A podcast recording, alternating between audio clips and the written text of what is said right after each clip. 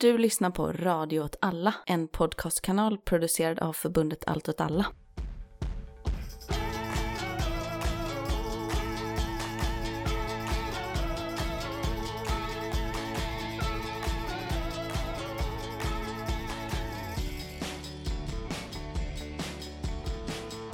Hej välkommen till Rörelse Udda krig och perspektiv. med mig Martin Hansson. Och med mig Miriam Andersson. Och där börjar vi inspelningen av vårt hundrade avsnitt. Hurra! Hurra för oss! Och du var- häller upp i glas också, inte dricker direkt ur burken. Nej, det är klart vi hämtade ju glas Ja, här. det.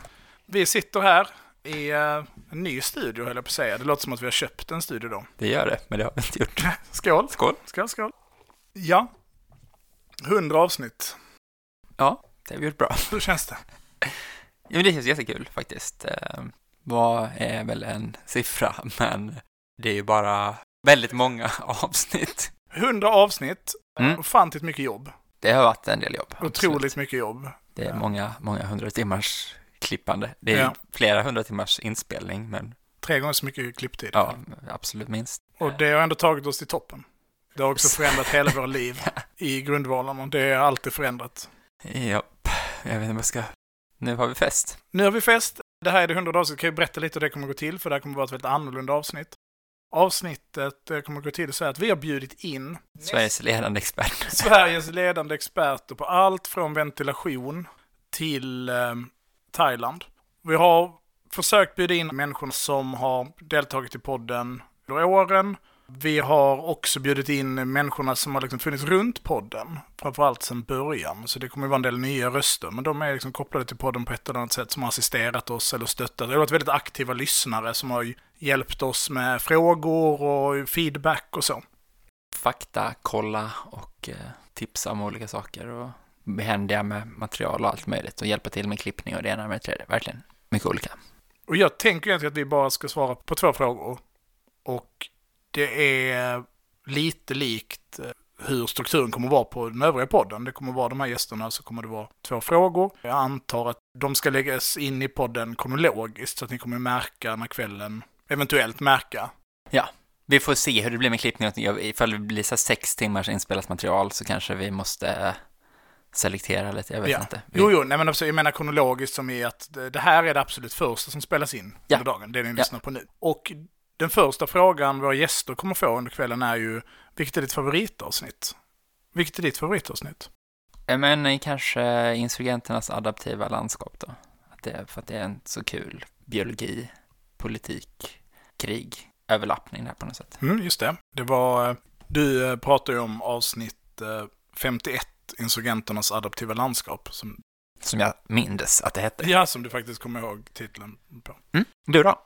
Ja, jag skulle säga att jag har ett par stycken som jag liksom kommer ihåg. Både då liksom förarbetet till dem och eh, vad de gav på något sätt. Men om jag skulle liksom säga ett par stycken och som jag kan välja ut ett av dem så skulle jag säga att Frivilligt i Syrien-avsnitten eh, betyder mycket. Det är väldigt tidigt i poddens historia.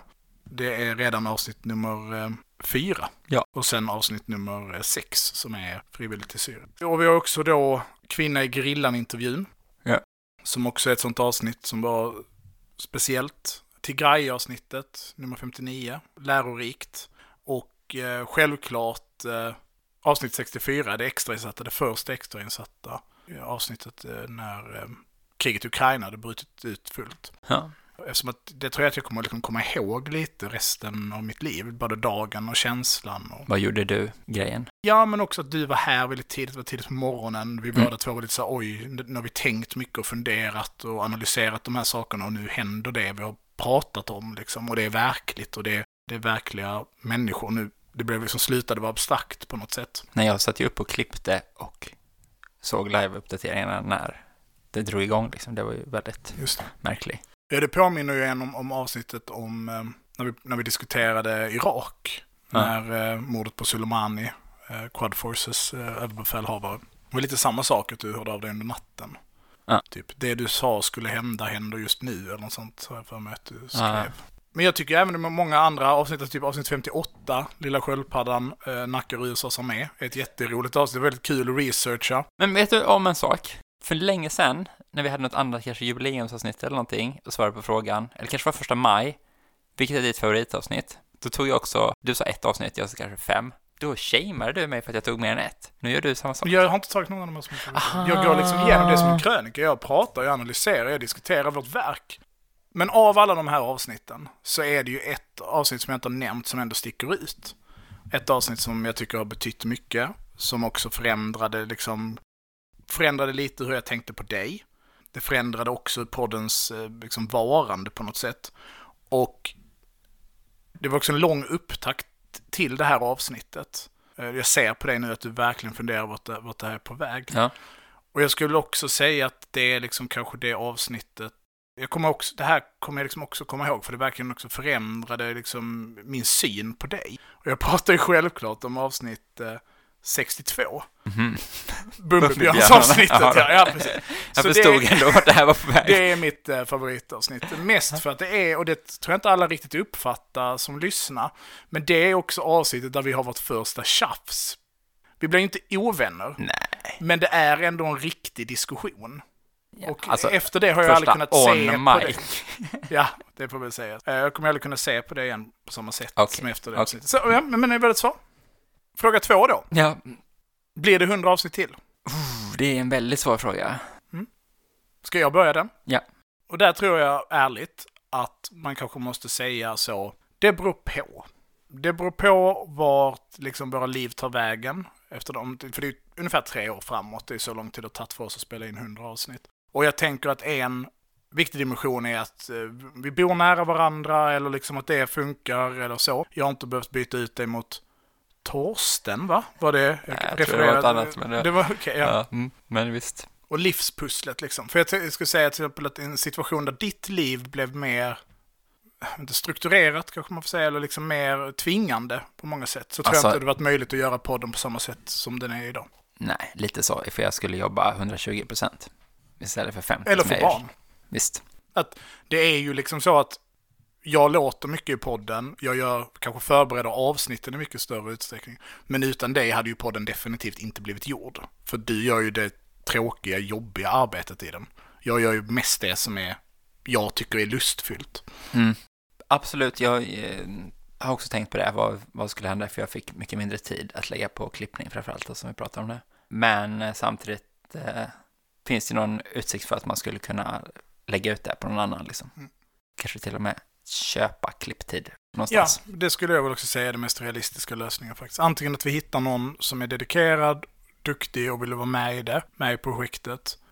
Eller att vi helt enkelt får att Patreon blir så stort att, att vi kan eh, lägga ut det på någon annan. Liksom. Och är man en duktig klippare så får man alltid höra av sig. Och det, är man duktig och visar det över tid så får man liksom också bli en del av de som gör det här. Om man har liksom tid att hjälpa till ordentligt. Och sen så tänker jag också att det kan finnas liksom ersättning i det också. På sikt.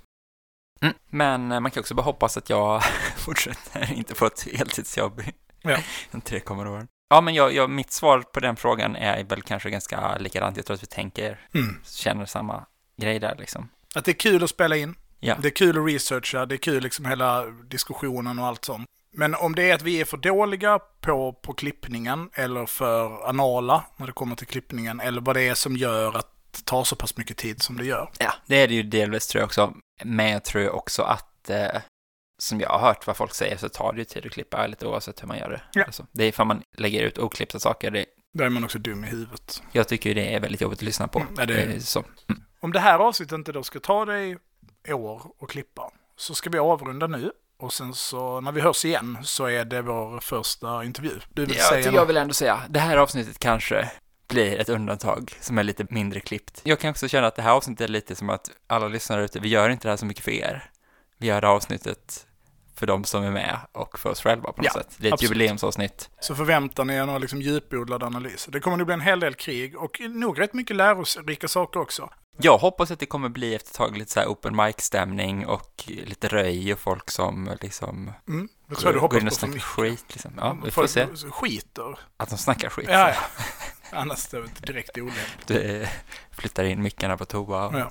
det är bara så Det konstiga ASMR. Ja. Ja, ja. Måste vi det? Visar sig att vi blir skitsura på något brasilianskt forum. Okej. Håll till godo. Håll till godo. Då är vi tillbaka. Med Oscar, känd från avsnitt 83.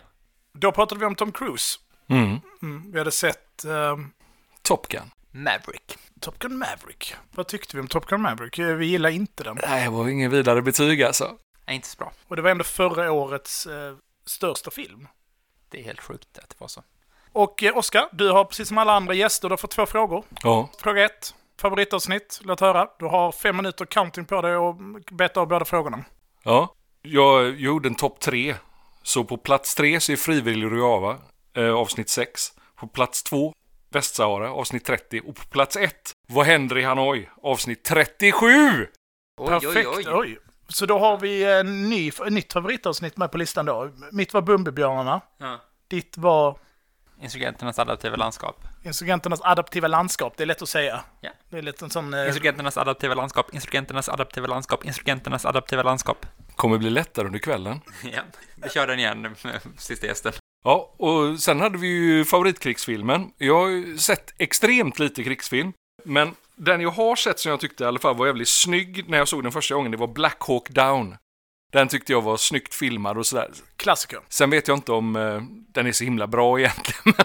Moral of the story är sådär, kanske tveksam, jag inte. Det är väl lite paketerat som en zombiefilm? Är det inte så att de är så här typ, vi förlorade fyra man, vi nedkämpade 812 eh, motståndsmän. Ja. Den vill filma mycket så också. De, liksom, de är inne i ett hus och det kommer horder av folk och det ja. De, de, är lite ansiktslösa på något sätt liksom Mhm. jämfört med Och som vanligt så är det alltid någon som ska så, offra sig för att de andra ska få leva. Men amerikansk krigsfilm det är väl lite så, kanske. Jag vet inte. Jag har inte sett så många. Och jag menar, zombiefilm är ju bra film ofta, så att det är ju inte, ifall man inte lägger någon moral i det så kanske Helt det är en struntar i moral så är det pangfilm. Precis. Du hade ju två frågor i fråga två. Ja, just det. Ja, hur får man drag i sin kamin? Ja, den, nu är det ju så här då att alltid när man frågar någon som kan mycket om något så finns det aldrig några enkla svar.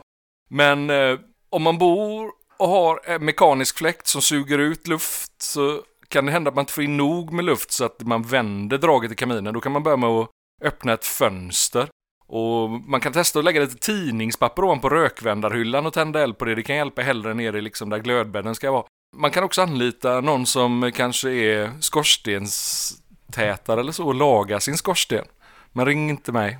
Ring inte Oskar. Nej. Men då öppnar man ett fönster för att det ska komma in luft och trycka på upp i liksom. Ja, precis. För du vill ju ha termiken i skorstenen. Sen kan man få så här att det kan låsa sig man har kall luft som står i och sånt där. Och det är därför man vill börja med, man vill ju börja elda med lite papper eller någonting sånt Så liksom. det blir bra fart liksom. Ja, och så Ja. se till att man har ordentligt drag innan man börjar med veden.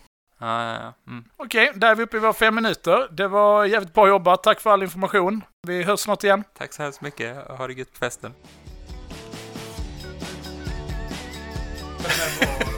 Vi kör nu. Nej, hej! Sveriges ledande expert på Ullkonst. ullkonst. Ja. Fast är inte Karin? Ja, just det, det är du som är ullkonst. Ja. Okej, då har vi Thomas här, ehm, nära vän, trogen lyssnare och Sveriges ledande expert på ullkonst. Och det är inte, inte skämt, utan det är faktiskt eh, helt sant. Precis som ingenting i den här podden så är det på allvar. Precis som allting annat i den här podden är det fullständigt sant. Okej, vi ska inte ta Thomas eh, minuter här. Är det bra med det Thomas? Jättebra. Jättebra. Så kul att vara här. Fantastiskt. Du har fått två frågor. Första frågan. Favoritavsnitt? Eh, jag, jag försökte liksom så här, lyssna tillbaks och verkligen så. Men vilket är mitt favoritavsnitt? Jag hittade inget som är mitt favoritavsnitt. Men det jag tycker om när ni gör, det är när ni kommer in i såna här långa, ganska monotona utläggningar om något relativt litet. Det, alltså, det uppskattar jag så himla mycket. Att fastna i detaljer liksom. Ja, men också att låta det ta tid. Och jag, en sak som jag inte gillar, det är att ni hela tiden håller på att begränsa er genom att säga att nu blir det för långt. Och det håller jag inte med om. Alltså, det har aldrig varit ett avsnitt där jag har blivit uttröttad och tycker det är för långt. Ta med det. Det är något Patreon exklusivt och fram till en fyra timmars avsnitt liksom som bara pågår. Eller bara att vi bara kör på den här kvällen. Ja, och så är vi så sex timmars, tolv Ja, timmars avsnitt. Nej, vi gillar inte komplimanger, någon av oss. Vi blir obekväma. Så jag tänker att vi raskt hoppar vidare till nästa fråga. Och Det vet du själv vad den var. Ja, du, den frågan var, din släkt var, dina släktingar var ockuperade av nazister. Berätta din bästa anekdot. Och det här är ju baserat på att jag har hört en jättebra anekdot för det, av det en gång, kopplat till det här. Vilken anekdot var det då? Det handlade om, långt, långt upp i Norge, om hur tyskarna blev yngre och yngre. Ja, precis. det var- det, alltså, jag hade, jag hade, eh, jag var det bästa far som, eh, som var, kan jag säga att hela min släkt var kommunister efter kriget. Men en del var kristna före kriget. Och bäste far kom från en kristen familj men blev väldigt tidigt socialist i gruvan där han jobbade. Men han hade alltid en sån, alltså även fast han hatade tyskar, han hatade svenskar framför allt. För svenskarna släppte igenom eh, tyskarna i ryggen på dem under kriget om Narvik. Det var någon äldre släkting där som var så att den ville inte bli bjuden på middag av en svensk för det var blodspengar. Så det, var, alltså det, det satt i liksom. Det, var, det var, inte, var inte lätt. Men han hade en väldigt öm känsla för de här tyskarna på slutet som bara var småpojkar som kom upp i eh, sommarkläder mer eller mindre. Och det är i relation till det som är en sån anekdot jag har tänkt mycket på som är vi kallar henne fru Andersen, men jag kommer inte ihåg om det var fru Andersen. Det var en nabo till, en, en granne till bästefar eh, i Ballangen som hade lyckats hålla en kossa vid liv under hela kriget. Den här kossan hade varit gömd uppe på en fjällgård tror jag. Och tyskarna hade kapitulerat och då tog de ner kossan på gården. Och det hade liksom varit en, en tillgång till mjölk under hela kriget och det hade gjort jättestor skillnad. Och första dagen de tog ner den här kossan så slet den sig och vandrade rakt ut i ett minfält och sprängde sönder. Så att det bara var köttslamsor kvar av kossan. Och den här då, fru Pedersen eller fru Andersen eller vad vi nu ska kalla henne, flippade fullständigt. Och tog en bössa från gården och skulle gå och skjuta de tyska soldaterna då som var stationerade runt gruvan. Alltså de hade ju kapitulerat då, så de var ju där som någon sorts fångar eller i transitläger eller sånt. Men de var kvar för att eh, reda upp i hamnen och de skulle plocka minor också. Så skulle de gå och skjuta tyskarna liksom. Så marscherar ner där och då får min bäste far och en annan manlig granne verkligen stoppa henne sådär. För att hon inte ska gå och skjuta de här små pojkarna som, eh, som är de enda tyskarna som är kvar. Så det är en sån där på något sätt så liksom det är den där med kriget som eh, att det finns onda och goda men det finns liksom ingen det finns, eller det, jag vet inte. Det liksom även de här tyska barnen som var där är människor precis som vi är människor. Och det var så, i, i en sån typ av kontext bästefar förtalte det alltid. Sen är det ju, finns det ju mycket roligare som handlar om massa vapen. För eh, bästefar och hans kompisar snodde ju fruktansvärt mycket vapen av tyskarna. och handgranater. Mm.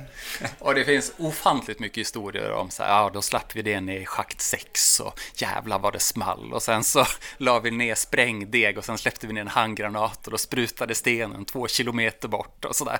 Och jag har alltid tänkt att det där är bullshit och att han ljuger. Eh, men sen så fick jag en bok som heter Kriget i, äh, Krigen i Nord. Eh, som jag försökte leta rätt för att ge till er som present. Den är på norska så den kanske är svårläst. Men den är en eh, lokalhistoriker som har skrivit om kriget just i Ballangen-Narvik. Alltså där lite söder om Narvik. Och det här berättas det om tonåringar som spränger olika saker. Det är som en sån V5-berättelse fast liksom med krigstema. Ja, och sen så tror jag, om man tänker så här, okej, okay, men vad är det som har påverkat din inställning till livet mest i relation till berättelsen om kriget? Då är det ju något sånt grundmurat hat mot överheten. För även fast mina bästeföräldrar då var socialister så var de ju ganska så ordnade och de var inte revolutionärer på något sätt. De drev sina fackförbund och strejkade och höll på. Men de hatade polisen. De hatade rektorer.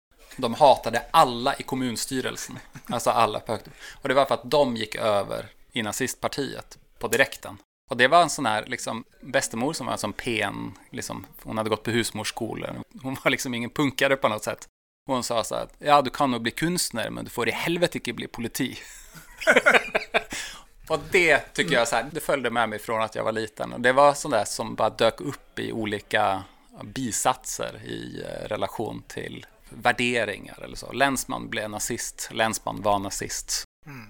Men jag tänker det också att när man pratar om liksom grundlagsändringar och sånt, sådana saker som händer nu också, Ja. så är det ju också att när vänster kan framstå som liksom märkligt, eh, vad ska man säga, byråkratisk eller vilja liksom lägga sig i eller vara emot utan att uttryckligen säga vad det handlar om, så är det ju bara för att man har en djupt inmurad känsla av, men när det kommer en annan stat som gör på ett annat sätt, då kommer allt det här, då kommer alla ni vara beredda på att tolka den här lagen på det mest hemska sättet möjligt och mena att ni har agerat helt lagligt. Ja. Ja. Tack så jättemycket Thomas. Så jävla kul Nu att vara dyker här. vi vidare. Yes.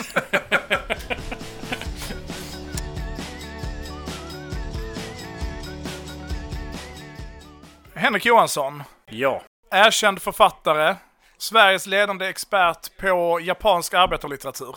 Ja, Det kan man säga. det kan man säga. Ja. Fråga två. Vilken är den sämsta skönlitterära krigsskildringen du läst? Det är ju, finns ju så många dåliga kan man tycka. Men eh, alltså ur ett rent så här, poetiskt versmåttsmässigt sätt så är ju Esaias Tegnérs Kung Karl den unge hjälten jävligt bra. Kung Karl den unge hjälten, han stod i rök och damm. Så ser liksom. Men någon slags innehållsmässigt sett så är det Alltså jag vet inte, man rodnar ju liksom. En skägglös dundergud. Eh, Och eh, ej fly bara falla kunde han. Ja, men, och det gjorde han ju också. Så, med en knapp i huvudet liksom. Så det är ju, ja. Nu vet vi att du egentligen vill svara på frågan vilken som är den bästa du har Ja. läst. Så du, du, du har tid. Du har tid. Ja, då, ja, det var fint. För då tar vi upp, eh, egentligen inte boken. Ja, men Väinö Linnas Okänd soldat. är-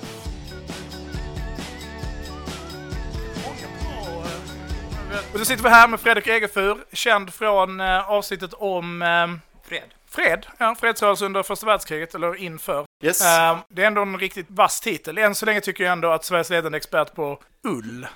Ja, det, var, Det är, det är svårt att slå den. Du har ju precis som alla andra fått två frågor. yes. Du har ungefär fem minuter på dig att göra det här.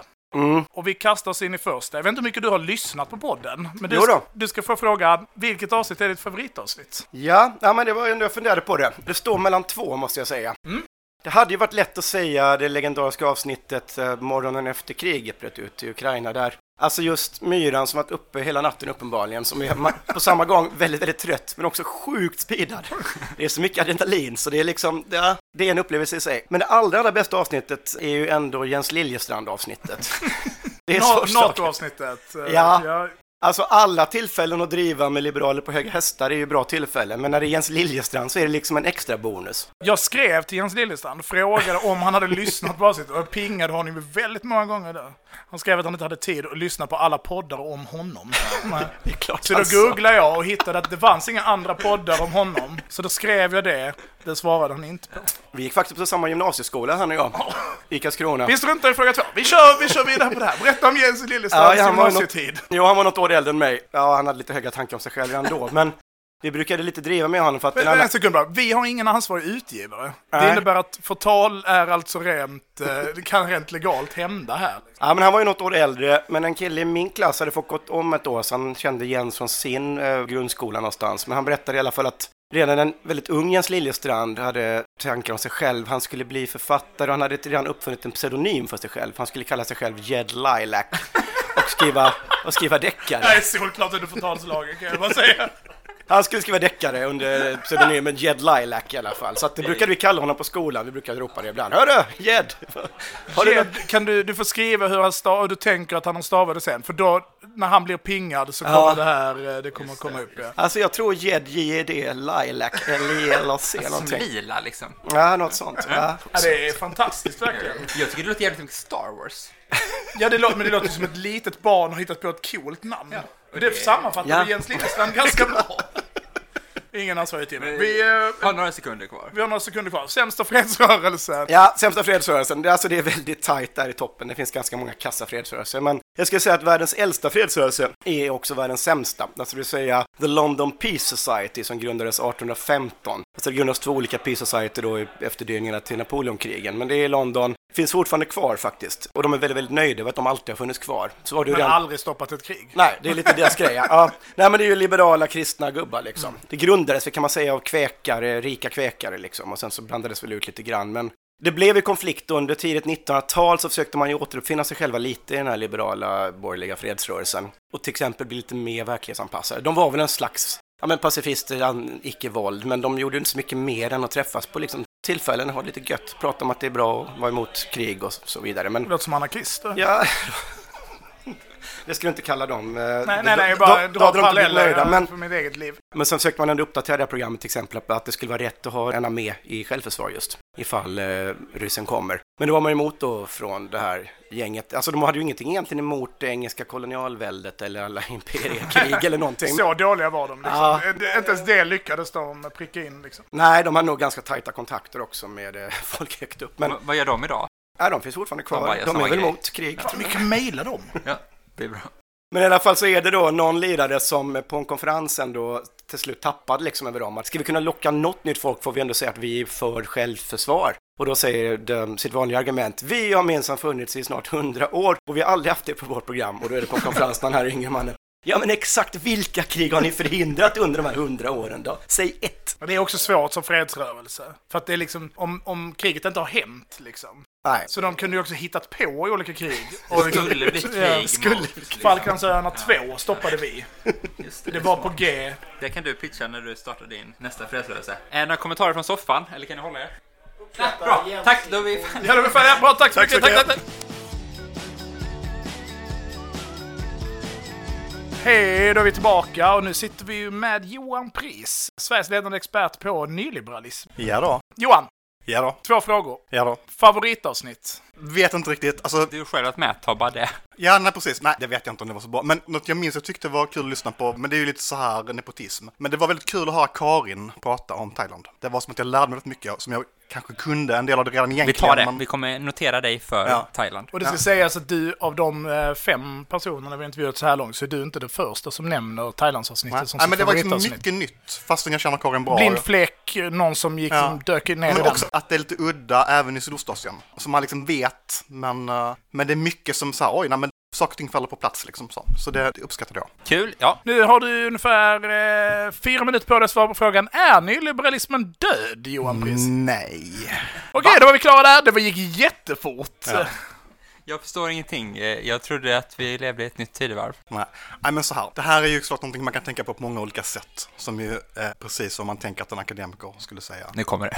Men jag tänker att det är ett ganska dåligt sätt att tänka på nyliberalism, så som många gärna tänker på det, att det har att göra med hur stor staten är. För att nästan med alla mått man skulle kunna mäta det med så har ju staten blivit större under den illiberala epoken. Den liksom finns på fler platser, den gör mer saker, det är mer människor, det kostar mer pengar. Så med de måtten så har det liksom inte hänt så himla mycket mer än att det är lite mer marknad här och där. Utan jag tänker att man får tänka på nyliberalism som en fråga om hur staten funkar. Om man tänker att det, att det där det har skett någon slags revolution om man går tillbaka liksom till debatten på 30-talet. Nu ska jag inte vara långrandig där, men så, så det Hayek liksom knäcker är ju att vi är fast med en stor stat. Så. Vi kommer inte gå tillbaka till 1800-talet, det kommer inte hända. Utan vi, vi kommer vara fast med en stor stat, den kommer hålla på med olika saker, så det är hur den funkar som är nyckelfrågan. Och han är väldigt tydlig med det under 30-talet. Och då är ju frågan, kan man få staten att liksom anta funktioner som har att göra med att skapa marknader, skapa konkurrenssituationer, påföra folk ett medvetande som till exempel konsumenter istället för medborgare eh, och, och kan man på det sättet säkra staten från liksom demokratiska tryck underifrån? Är det det här som skapar liksom den här glitchen i att liberaler inte är liberaler längre? Ja, För det är, jag exakt, känner det, det. är precis det som Vi, skapar vi, vi ja. har ju Ja. liberaler som lyssnar och det är jättekul med dem. Ja, ja. Men de hör ju av sig till oss och är Ja. så, fast ni är ju liberaler. Ja. Ni tycker så, Ja. Nej, att liksom precis, internationell rätt ska gälla, Ja. eller att man liksom inte får göra, att staten inte ska lägga sig i massa prylar folk håller på med, eller... Och, precis, och det är också därför massa människor som är liksom så här mer ideologiskt nyliberaler under till exempel 90 eller 00-talet blir fascister. Det är närmare till hands, liksom, än liberalismen. Nej men för att de är inte intresserade, alltså Hayeks stora poäng är staten kan aldrig veta vad den vill göra. Det är omöjligt rent vetenskapsfilosofiskt. Det är det som är hans kritik av liksom den här nya demokratiserade välfärdsstaten som framträder under 20-talet. Så hans kritik är, hur ska vi veta vad vi ska planera för? Det, hur, hur ska vi jämka alla de här olika intressena? Det liberala svaret är ju, men det sker i offentligheten. Det sker en offentlig debatt och så får man besluta någonting och så är det liksom provisoriskt och det är kritiserbart och så vidare. Så Hayeks kritik är ju inte av Sovjetunionen, utan det är ju av socialdemokrati och i viss mån också av den gamla liberalismen. Så det han vill ha bort är det politiska, reducera staten till att det sker de olika valen och det kan hantera all den här komplexiteten. Men vad är skillnaden med konservatism nu? Förlåt, alltså nu bara kör Nej, men, nej, vi, nej, vi nej. borde göra ett Ja, helt avsnitt, för det här är ett helt avsnitt Ja, egentligen. det, det, Det det, Staten lägger sig in allt mer fler saker. Ja. Den pillar i saker som liksom en liberal borde egentligen bli Absolut. vansinnig. Ta DNA-tester, de får övervaka en. för att vad ska staten då göra egentligen? Jo, den ska ju vidmakthålla den här ordningen där de här valen kan ske. Och det kräver jättemycket arbete. Alltså här, det nyliberalerna förstår är, du kan inte lämna det här till marknaden. Staten måste göra allt det här jobbet för att tvinga folk att vara den här typen av människor. Finns det inget brott i det här nu då? Att typ något annat håller på att hända?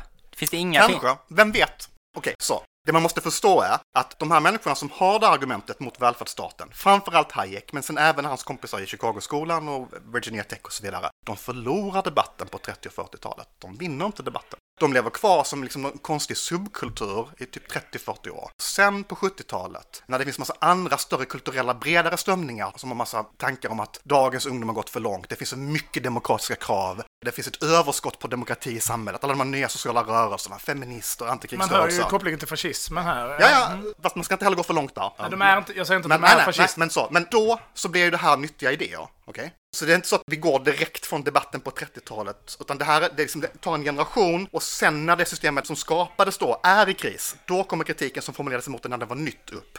Så vad som händer nu, vem vet? Men det är definitivt inte så om vi bara tänker på det som en fråga om hur stor är staten, hur, hur mycket omfördelning Vilket du gör ofta den. kritiserar mig för. När jag, att jag gör nyliberalism till det.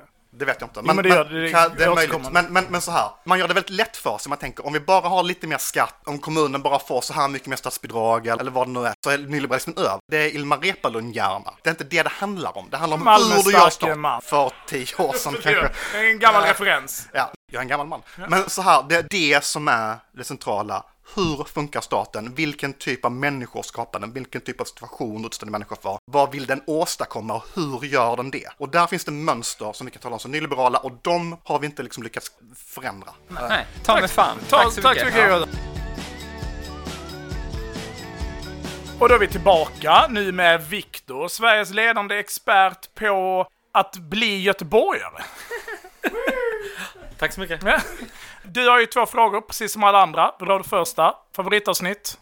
Eh, Clausewitz-avsnittet är typ ett av de första tio. Jag kommer inte ihåg vilket det är. Okej, vi får kolla upp. Vi kollar upp.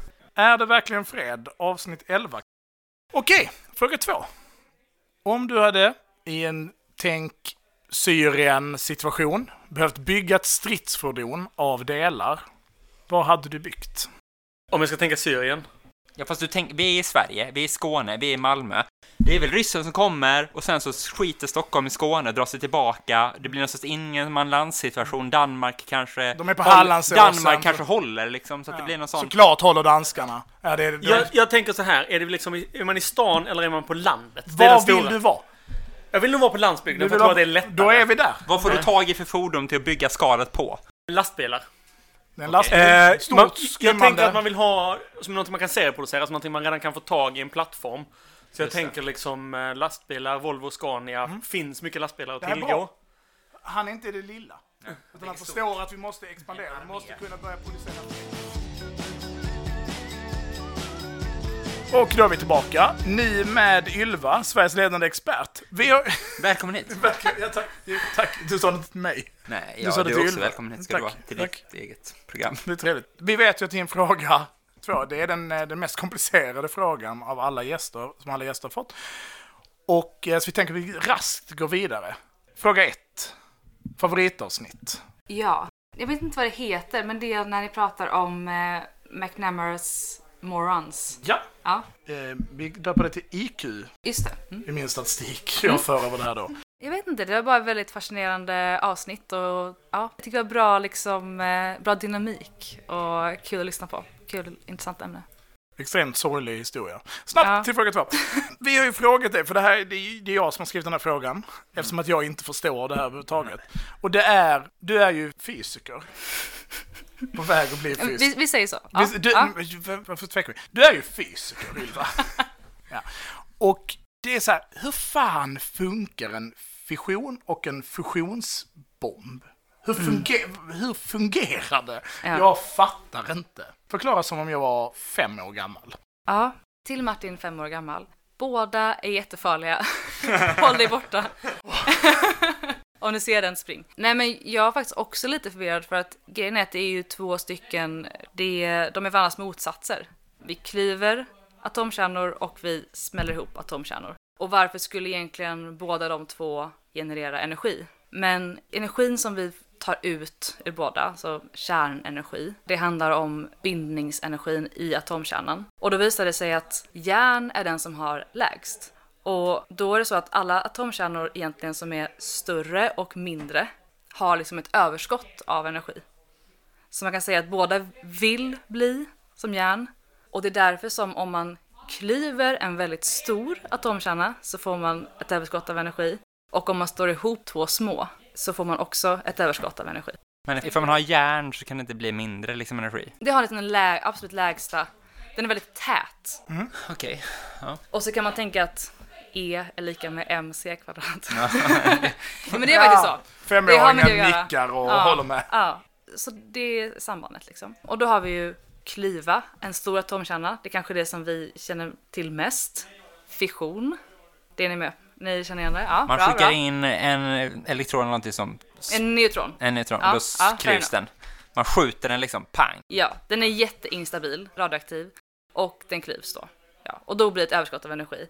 Och är det rätt liksom, förhållanden så kommer det starta en kedjereaktion och eh, fortsätta klyva fler. Så liksom energin som då finns kvar, den söker sig iväg och så, så på sin väg så klyver den andra. Det kommer liksom. skjuta en neutron liksom, på nästa som klyvs och så skjuts det en neutron på nästa. Så. Ja. Och samtidigt så frigörs det energi på ett Exakt. annat håll. Liksom. Du förstår ju fattar det här. Och man kan jag, göra- jag, Ja, du fattar. Ja, men ja, du, du är med. Man kan göra detta på ett kontrollerat sätt och det är det vi gör i kärnkraft.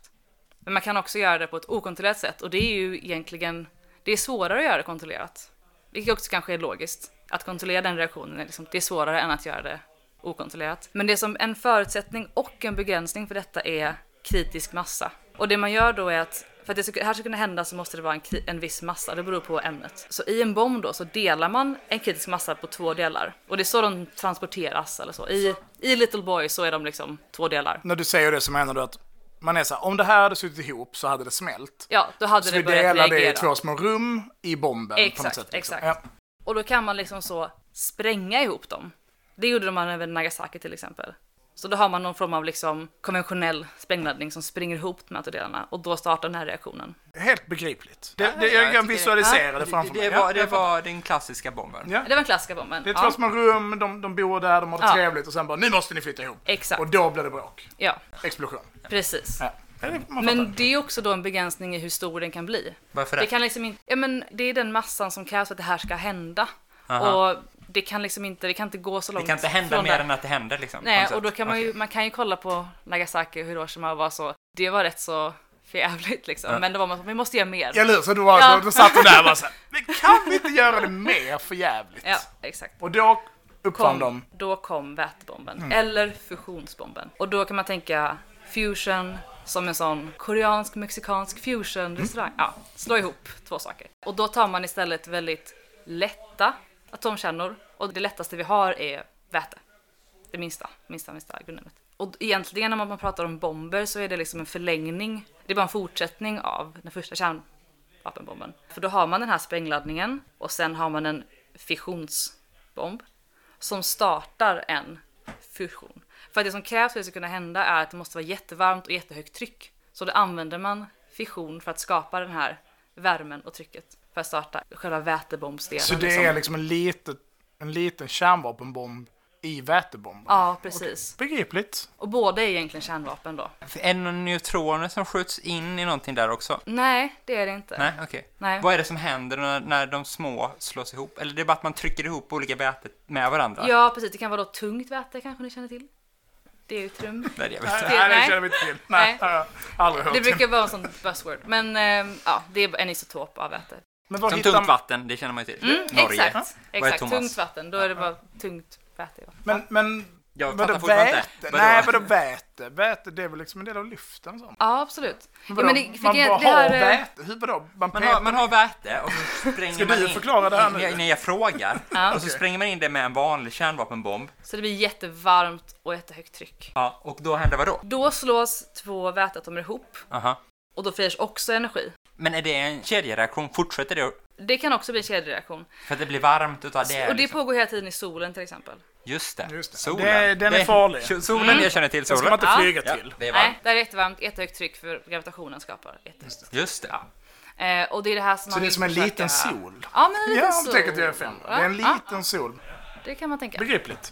Och de är liksom den som senast provsprängde som vi vet. Så Sovjet provsprängde, ni kanske vet vad den heter? Jag vet inte. Det är väl Sabomba. Mycket möjligt att den heter så. Den är fruktansvärd. Ja, den är så 4000 gånger. Ja, Eh, Hiroshima. Ja. Ja, så att här finns det liksom ingen övre gräns, Nej. alltså teoretiskt sett, som det finns i, i fissions... För man kan bara ha mer väte med från början. Mm. Och då blir det större smäll. Fattar verkligen det här. Du- Nej, det gör inte jag. gissar. Jag, jag frågar. Men ni kan ju tänka er solen då, ganska varmt och ganska... Jo, men mycket energi. är det en vätebomb? Det är ingen farlig strålning då riktigt? Den är bara så smäll? Alltså i och med att den sätts igång av en konventionell, konventionell alltså en fissionsbomb. Ja. Så vi, får vi absolut. samma problem där. Det kommer fortfarande vara radioaktivt. Och sen så är också vissa isotoper av väte också radioaktiva. Men under väldigt kort tid. Men Okej. kan man bygga dem hur stora som helst? För du sa, pratade innan om kritisk Ja, och så alltså- kan vätebomberna, man, man kan bara fortsätta. Ja, precis. För det är det Alltså, som är svaret för- på varför kärnvapen bara fortsätter att bli kraftigare och Exakt, kraftigare. och det, vi vet ju inte så mycket heller längre för de provspränger ju inte dem längre. Nej. Vilket är bra. Ja, Men det är också... Och, och vi, lite, ja, mm. Nordkorea kan ha gjort det, det vet vi inte. Man kan så här mäta radioaktivitet runt omkring och, och gissa och så, men liksom... Det är kul för att folk eh, pekar på sina klockor runt Mm. oss, men jag bara, vi bara skiter i det. För det här är det verkligen något jag behöver förstå. Så, så att det, för, för att hela den här debatten om så taktiska kärnvapen och så, men då är det för det är ju ingen som håller på med atombomber längre, utan folk håller på med, med, med vätebomber. Ja, Det är det båda är, är atombomber, det är det Ja, som är... Ja, de håller inte på med kärn... Fast det är också samma ja, sak. de håller inte på Okej. med fission. Eller, Äh, fast, Vätebomber är ju det nya feta. Det är som att Precis. alla gör vätebomber liksom. men det är bara det att liksom, det är en trestegsraket och steg två är en, det man skulle tänka på när man säger Jo, jo, atombomb. men så det är ändå som att samma problem uppstår liksom. Adam Ja. Seiman i GP. Mm. Nu har vi fortfarande ingen ansvarig utgivare, så det kan bli problem. Så vi- du kan säga hans efternamn hur du vill. Det är... Men det säger man, jag har kollat upp det. Och de säger man var ju så, Men ja men tack, tycker vi fortsätter kalla för vi har tidigare på den, Cayman då, vi, vi säger det istället. Jag tycker, det känns lite rasistiskt Cayman, att vi ja, inte... Ja, okej. Och de säger man, när han är så, det är inte så farligt med taktiska kärnvapen. För att taktiska, det är ju liksom efterblivet i, i Ja. det här är verkligen förtal. Det måste vi säga, det är nu över gränsen. Nej, okej. inte. Men jag är på väg över gränsen. Du kan komma dit. Du... När Adam. Seiman, försöker uttala ditt namn rätt, anmäl mig inte för det, säger att taktiska kärnvapen, det är inte så farligt. För, säger han, nu tycker det är en krönika i GP, en ledare i GP. Så är det ju att, att han är så dum, nu är, vi, nu är det förtal. Nej, okej, inte än. Vi- vi Jag ser till, jag ser till. Då är det att han, du ser till, du är måttstocken för det, okej. Han är så jävla dum i huvudet så att han, okej, där var gränsen, det var jävla svårt.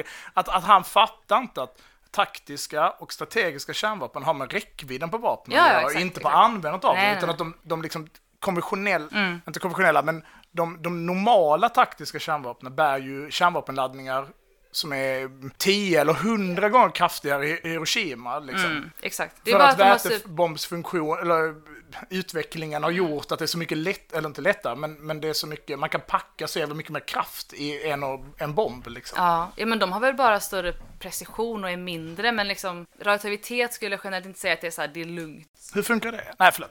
Det kan, det, för det fattar jag inte heller. Man det är jag vet inte heller hur elektricitet fungerar. Nej, alltså, det det är hade varit sant. en Det, annan. Det är som vatten. det är som ett vattenfall, mycket mer Det är begripligt. små tomtar som springer i snablar. Tack så jättemycket Ylva. Genuint. Jag förstår saker nu som Ja. jag inte förstod Du kommer innan. ha glömt bort det tills imorgon. Nej, jag, jag tycker inte, jag är Du som en är på elefant, både kroppsligt fjärde, och femte. intelligens. Tack! Tack så jättemycket Ylva. Tack själv.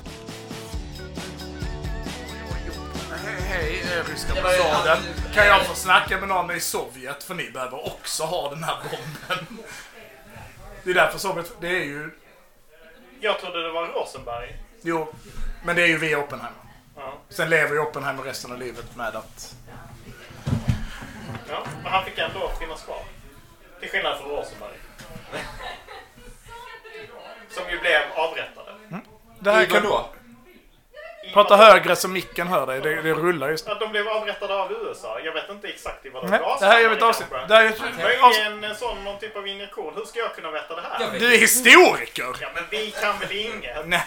Ehm, nu sitter vi här, vi är tillbaka och med oss har vi ingen mindre än Karin Zackari, Sveriges ledande expert på Thailand. Hej! Hej! Kul att vara tillbaka. Ja, Jättekul att vara här. jag kan säga att du leder just nu. Tävlingen om favoritavsnitt. Va? Ja. Men det är ju jätteroligt att höra. Det jag hade ju, jag hade ju inte röstat på mitt eget. Jag kan säga att det är många som har röstat på väldigt olika avsnitt. Vilket hade du röstat på? Det är första frågan vi ställer dig. Jag vet, och då har jag tänkt Jag att tänkt. Amnesty-avsnittet är väldigt roligt. Amnesty-rapporten. Och det är ju roligt eftersom det handlar om idioti. Och det är skoj, alltid. Men egentligen så är det ju inte det avsnittet som jag rekommenderar. Utan jag rekommenderar ett mycket mer eh, städat avsnitt. Det är om eh, Tigray-konflikten. Inte om Bumbibjörnarna. Nej. Du börjar inte där. Nej, jag är ju så seriös. Jag tycker det är roligt med riktig kunskap. Så att eh, Tigray-konflikten. Det var med på min topp tre. Mm. Jag tycker det är ett jätte, jättebra avsnitt. Judith gör en fantastisk insats. Det gör hon verkligen och hon är ju väldigt sympatisk och balanserad. Och man förstår saker som jag i alla fall inte hade kunnat förstå utan liksom det här stora eh, sammanhanget och också alla perspektiven som lyfts. Absolut också imponerande att kunna vara det när man är så nära konflikten på det sättet. Verkligen, verkligen. Men det är inte din uh, huvudfråga. Utan din huvudfråga är ju, vilket är det bästa krigsfotografiet? Det är en jättekul fråga. Ja, men det är roligt. Men det går ju inte att besvara förrän ni först har definierat vad som är viktigast. Det är, För, vadå, vi, vi, vi, Nej, störst alltså avtryck i, i mänskligheten? Exakt, och då är det ju så här. Exakt, det var en definition! Ja, det jag bara en la en definition. Ja, men det är, Ja, en, det, är, det är en ganska typisk definition. Och då är ju frågan, vad betyder det? För att vi har liksom en förväntan på att fotografier ska göra någonting med oss, eller hur? Men sen lär vi oss att det bara är gevär som gör någonting med det. Ja, men precis. Men så är det ju. Ja, så är det Ja, men det är ju vanligt Det är liksom Mao att... Zedong. Ja, men så är det. Ja, visst. Och det är ju vanligt att prata om fotografier från händelser som lite förenklat då skulle ha förändrat skeenden i historien. Men det är liksom en så här intellektuell debatt som pågått sedan 70-talet i alla fall, då man började intressera sig liksom teoretiskt för fotografi. Om det verkligen gör något med oss och i så fall, vad är det som bilder gör med oss? Alltså, du känner någonting av att se en avskyvärd, ett avskyvärt fotografi. Liksom. Men får den upplevelsen dig att göra något? Och det du gör sen, förändrar det eller påverkar det någonting? Det är liksom den stora frågan. Och sen tänkte jag så här att man kan ju också säga att foton är viktiga av andra anledningar. Till exempel att de är de första av sitt slag. Och då har vi fotografier som är tagna av de döda i Antiem 1862. Och det är liksom första gången som man fotograferar blodiga slagfält. Alltså det är amerikanska inbördeskriget. Och därför är de viktiga. Och sen så är det ju andra viktiga fotografier och då tänker jag på Robert Capas stupade lojalistsoldat i eh, spanska inbördeskriget. Den han faller liksom i bilden. Exakt Men den är fejkad har jag hört. Klasskriget. Nej, den är en, inte fake. Okej, nej. Nej. Eh, Men den är väldigt ren. Liksom. Konstigt. Den är liksom, precis, den känns lite konstig för att man ser, det är väldigt konstigt med skuggorna och sånt där. Men i alla fall, Robert Capa är ju en av världens mest berömda krigsfotografer. Och den är ju liksom ikonisk därför, men framför allt för att det är första gången som kameran gör det som liksom ger kameran auktoritet, det vill säga att det fångar det avgörande ögonblicket då en kula träffar en människas kropp. Och det har inte gjorts förut. Och det här är ju det är liksom det som gör det här fotot så viktigt. Sen tänker jag att det också finns en genre av liksom patriotiska fotografier. Och det är ju det här med att krigsfotografi, det domineras av amerikanerna. Varför, Martin? De... Ska inbjuda Jag, reportrar snabbt. nej, men jag tänker, att, jag tänker att det är för att de, de är så pass industrialiserade att de kan skicka ut massa fotografer. Ja, och de är ju överallt och slåss. Alltså, Ja, ja, amerikanerna är ju involverade i alla, i alla konflikter. Och för att knyta tillbaka till samtalet vi hade med, med eh, Johan Pries tidigare, som du inte har hört, men för att de också tillåter det. Tills de Exakt. lär sig att man ska sluta tillåta det. Men, men de, så här, ja men det är klart, det här, vi är liberala på riktigt liksom. Ja, precis. Och då har vi massa så fotografier från Koreakriget och så som har blivit ikoniska för hur de är liksom komponerade. Men där har vi liksom, om vi då mäter viktigt i termer av spridning så är det det mest reproducerade fotografiet, om man ska tro en enkel internetsökning. Du har gjort en myran man. Jag har gjort du har kollat Wikipedia. Ja, men precis. Ja, ja, Jag ja, skrev så, most important war Det är photograph. 95 procent av podden. Ja. Det är det. det. Så Och det ger ju ett bra utslag. Och då är det såklart när amerikanerna sätter ner en flagga på Iwo Jima. Precis. Och det, ja, mest producerad, mest reproducerade fotografiet och därför skulle man kunna säga att det är det viktigaste. Men när jag väljer då så tänker jag på ett lite annat sätt. Och så kanske det inte blir superförvånande om jag tänker på Napalmflickan. Ett Som ju, ja. Ja, men du kan få säga det jag tänkte säga om du vill. Nej, nej, jag tror inte jag alls. Jag, ska, jag tänkte bara säga så. Som vann Vietnamkriget med lite hjälp av nordvietnamesiska armén. Alltså att flickan. Bilden. Jaha, bilden. Ja, men precis, för det här är ju det som är liksom myten.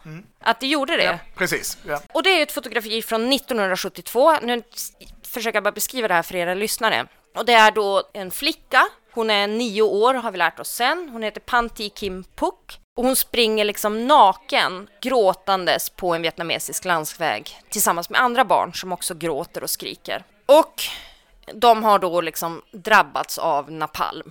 Och jag väljer den för att den säger så mycket om vår vilja liksom att förenkla historien och liksom vår tro också på den humanitära sidan av historien. Och så sen är den liksom, den har alla de här beståndsdelarna som vi tänker oss att liksom en bild av krigets terror ska ha. Den har barn och den har lidande och de är flyende och de är oskyldiga. Det är ju som att man håller på att börja gråta bara man tänker på hur jävla vedervärdig den bilden är. Ja men exakt, och då tänker vi ganska lätt också att ja men då måste den ha haft en väldigt stor påverkan när den kom, eller liksom när den publiceras. Men det är liksom en, för det första är det en välspridd myt att den här napalmen är USAs napalm.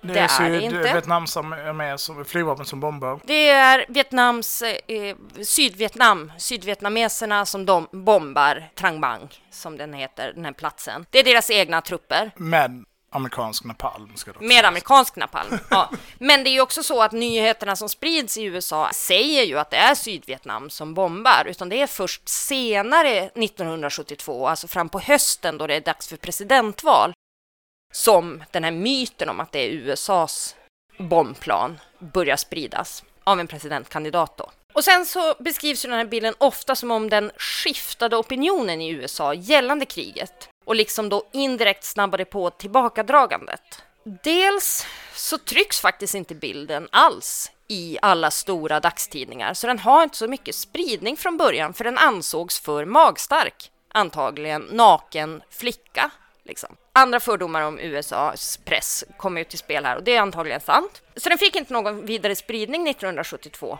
Sen så måste man ju också ta i beaktande att de flesta väpnade styrkorna hade redan lämnat Vietnam och opinionen hade skiftat tidigare. När är bilden? Den är från juni 1972 tror jag. Juni eller juli. Då är det ju över liksom. Ja, men då har liksom, då har opinionen skiftat. Det är ju 68, om man har lyssnat på Stoj och Hej i Hue, nej jag vet inte vad avsnittet heter. Mm. Vad heter avsnittet? som- Och skoj i Hanoi? Lur, lur och skoj? Nej. Lur och skoj från Hanoi efter avsnittet. Det heter avsnittet som handlar om det heter- som handlar om Tet-offensiven. Ja, just Det är det. vårt nyårsavsnitt. Ja, Mm. och då vet man ju att det är efter 68 som Mm. opinionen skiftar. Ja, och, och sen dessutom är det ju så att det dröjer ytterligare nästan tre år Mm. innan USA faktiskt drar tillbaka sina trupper. Så det har liksom... Men, ja. men historieskrivningen då på något sätt? Ja, men Kanske precis. sammanfattas i den här bilden ändå? Ja, men jag tänker att det är just det här att den har blivit en symbol för kriget i Vietnam då. Alltså För USA. oss. För oss. För, för, väst, nutiden. Liksom. Ja, ja, men också för väst. Ja, för jag. väst och också så här att den används framför allt för att skriva, skriva fram en historia om krigets fasor. Och också just det som jag liksom sa i början, den här tilltron till att vi ändå är mänskliga. Och att om vi berörs känslomässigt, om vi förstår hur hemskt kriget är, då kommer vi också agera på det. Så den är liksom liberal på något sätt? Putting words in my mouth. Men, men, men det kanske man skulle kunna säga. Men jag, jag tänker att det är viktigt för så här, äh, fredsrörelser, för liksom... Det fyller en funktion i hur vi förstår oss själva som människor i förhållande till hemska händelser i historien också. Men det handlar också om att liksom så här distansera sig. Jag tänker att du liksom är helt rätt på det. Och innan när jag sa det här om att fotografiet var en kris så parafraserade jag ju din släkting Kalle Lind, en av sina böcker. Jag har inte läst hans Nej, böcker, nej, så många av nej, hans Nej, böcker. men i en av hans böcker så säger han, så pratar han om 68-vänstern, när 68-vänstern vann Vietnamkriget med lite hjälp av nordvietnamesiska armén. Och att den här idén om att våra känslor och tankar på något sätt spela roll, men inte tvinga oss till att agera eller göra någonting. Och det går ju liksom inte riktigt att studera. Nej. För att det är ju fler rörelser igång, så här att vi kan prata om att Vietnamkriget är eh, liksom födelsen till liksom en mänskliga rättighetsrörelse i USA, så här. men det är ju fler saker som händer i världen som är det. Vi har eh, Pinochet i Chile 73 till exempel. Så det är liksom väldigt tacknämligt på något sätt att säga så här att det finns saker som är så avgörande att då måste vi ta ställning som mänsklighet. Och det används ju till exempel Förintelsen som ett sådant exempel. Så här. Men tittar man, är man ärlig med liksom de historiska källorna så finns det ju inte heller ett avgörande ögonblick där världen så att säga säger nej. Det finns inte ett, liksom ett, Nej. ett världsligt så här, samvete på det sättet.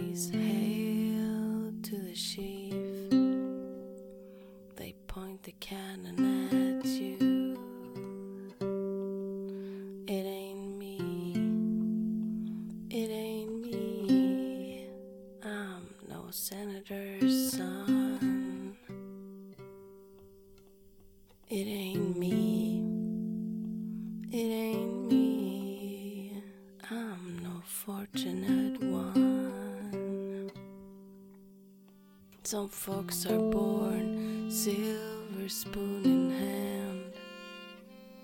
Don't they help themselves, Lord? But when the taxman come to the door, house looking like a rummage sale.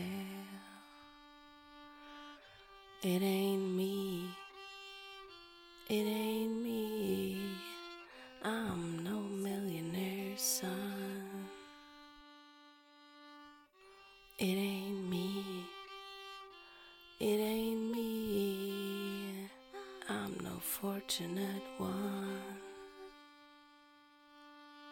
Some folks inherit star spangled eyes. They send you down to war. And when you ask them, how much should we give? They only answer, more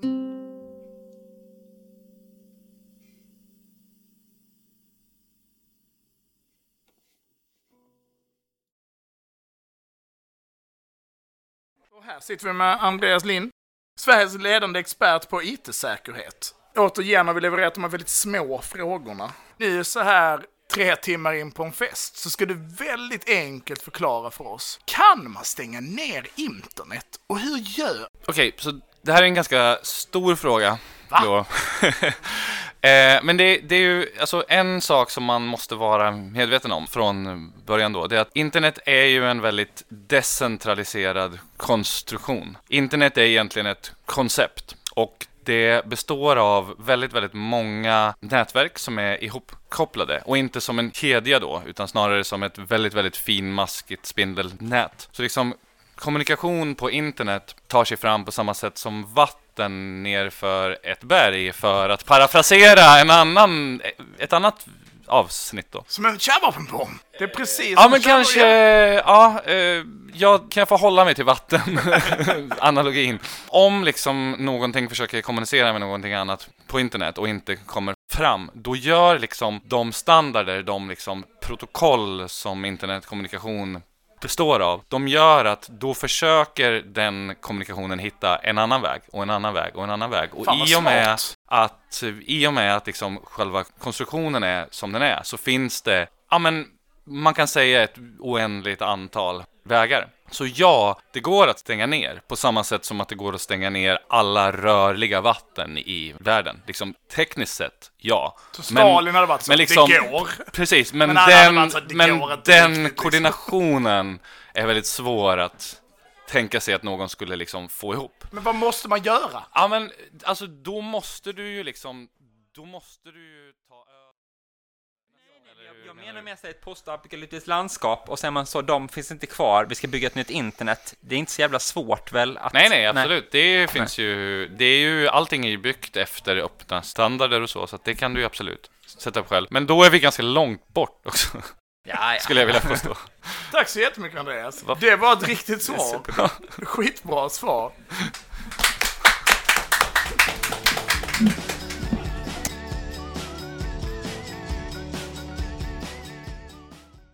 Och då sitter vi här igen och nu är vi tillsammans med Andreas Pinto Brink. Brink Pinto. Brink Pinto, vi tar för fan. Nej. Sveriges ledande expert på upplopp. Ja, Eh, på en eh, teoretisk nivå skulle jag väl ändå vilja tillföra här. Och praktisk nivå. Han var... ehm, Hur var han det nu med förtalslagstiftningen? Det här är inte med för, inget, vi har en ansvarig, du är vår ansvariga utgivare. Han eh, var vår mest frekventa gäst innan Volodja tog över den.